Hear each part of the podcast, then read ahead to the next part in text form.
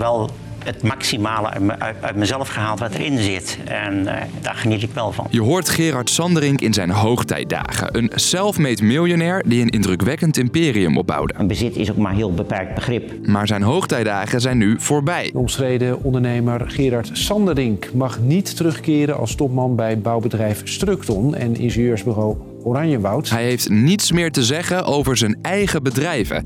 Wat ging er mis en wat heeft zij Dan denk ik aan de smart blockchain, aan blockchain-technologie. daarmee te maken? Ik ben Dennis en ik zoek uit hoe topman Gerard Sanderink zijn imperium verloor. Lang verhaal kort. Een podcast van NOS op 3 en 3FM. Someone has to stand in the center of the circle. Hij was de baas van een IT-bedrijf That's us, Centric. en twee bouwbedrijven.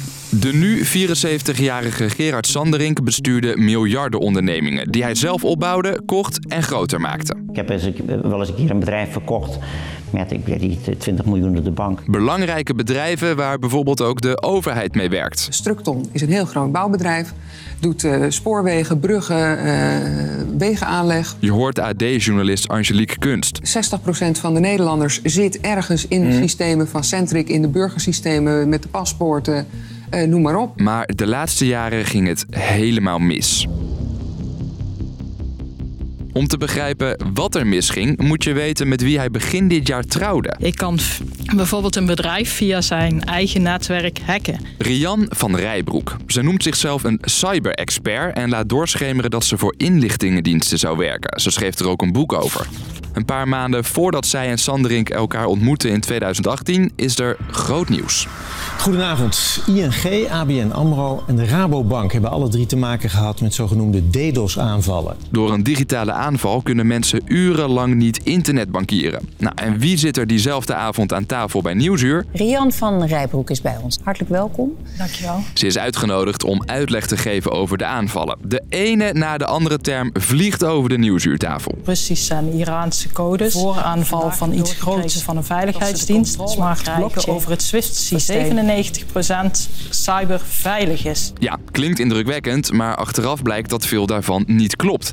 Deskundigen noemen haar uitleg onzin en Nieuwsuur biedt excuses aan. Het is niet de eerste of laatste keer dat Van Rijbroek twijfelachtige uitspraken doet. Ze beweert dat ze bij de Fiat heeft gewerkt. Ze is geheim agent geweest. Ze heeft eh, hele bijzondere eh, beveiligingsopdrachten gedaan voor geheime diensten. Je hoort journalist Angelique Kunst weer, die een podcastserie over haar maakte. Nou, dat is allemaal al eh, ontkracht. Daar is niets van waar van al die verhalen. Het boek van Van Rijbroek verdwijnt uit de winkel omdat ze plagiaat pleegde. Nou, diezelfde Rian van Rijbroek krijgt eind 2018 een relatie met zakenman Gerard Sanderink.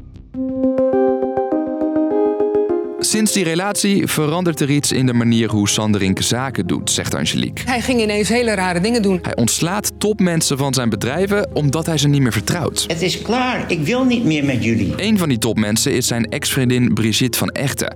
Sanderink zegt dat zij de boel oplicht en raakt via zijn bedrijf Centric in een juridisch gevecht met haar. Hij ging eh rechtszaken aanspannen tegen zijn ex-vriendin.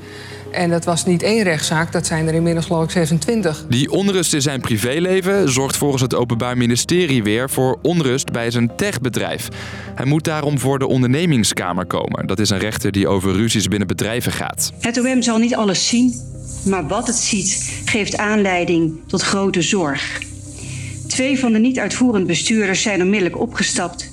De ander is recent geschorst. De top van het bedrijf is bang dat de problemen alleen maar groter worden als Sanderink blijft. En ik citeer: Centric wordt op deze wijze betrokken bij zijn persoonlijke veten met Van Echten. Dit straalt af op Centric en is schadelijk voor het bedrijf. Volgens de ondernemingskamer genoeg reden om Sanderink te schorsen. Dat betekent dat de ondernemingskamer met onmiddellijke ingang meneer Sanderink schorst als bestuurder van Centric Holding. En Centric is niet het enige bedrijf waar Sanderink zijn invloed verliest. omstreden ondernemer Gerard Sanderink mag niet terugkeren als topman bij bouwbedrijf Structon en ingenieursbureau Oranjewoud. Dat heeft de rechter beslist. Lang verhaal kort. Zakenman Gerard Sanderink bouwde een imperium op van grote internationale bedrijven, maar heeft daar nu niets meer te zeggen. Volgens bestuurders zorgt de onrust over zijn relatie met Rian van Rijbroek voor problemen bij die bedrijven. Ze vinden hem daarom niet meer geschikt als leider en de rechter geeft ze daar gelijk in. Nou, dat was de podcast weer voor vandaag. Iedere werkdag zijn we er weer met een nieuwe aflevering. Tot de volgende! 3FM. Podcast. Meer muziek ontdekken? Check elke week de nieuwste tracks die je niet mag missen in de podcast 3 voor 12 niet te missen. Luister hem in de 3FM app of via je favoriete podcastplatform.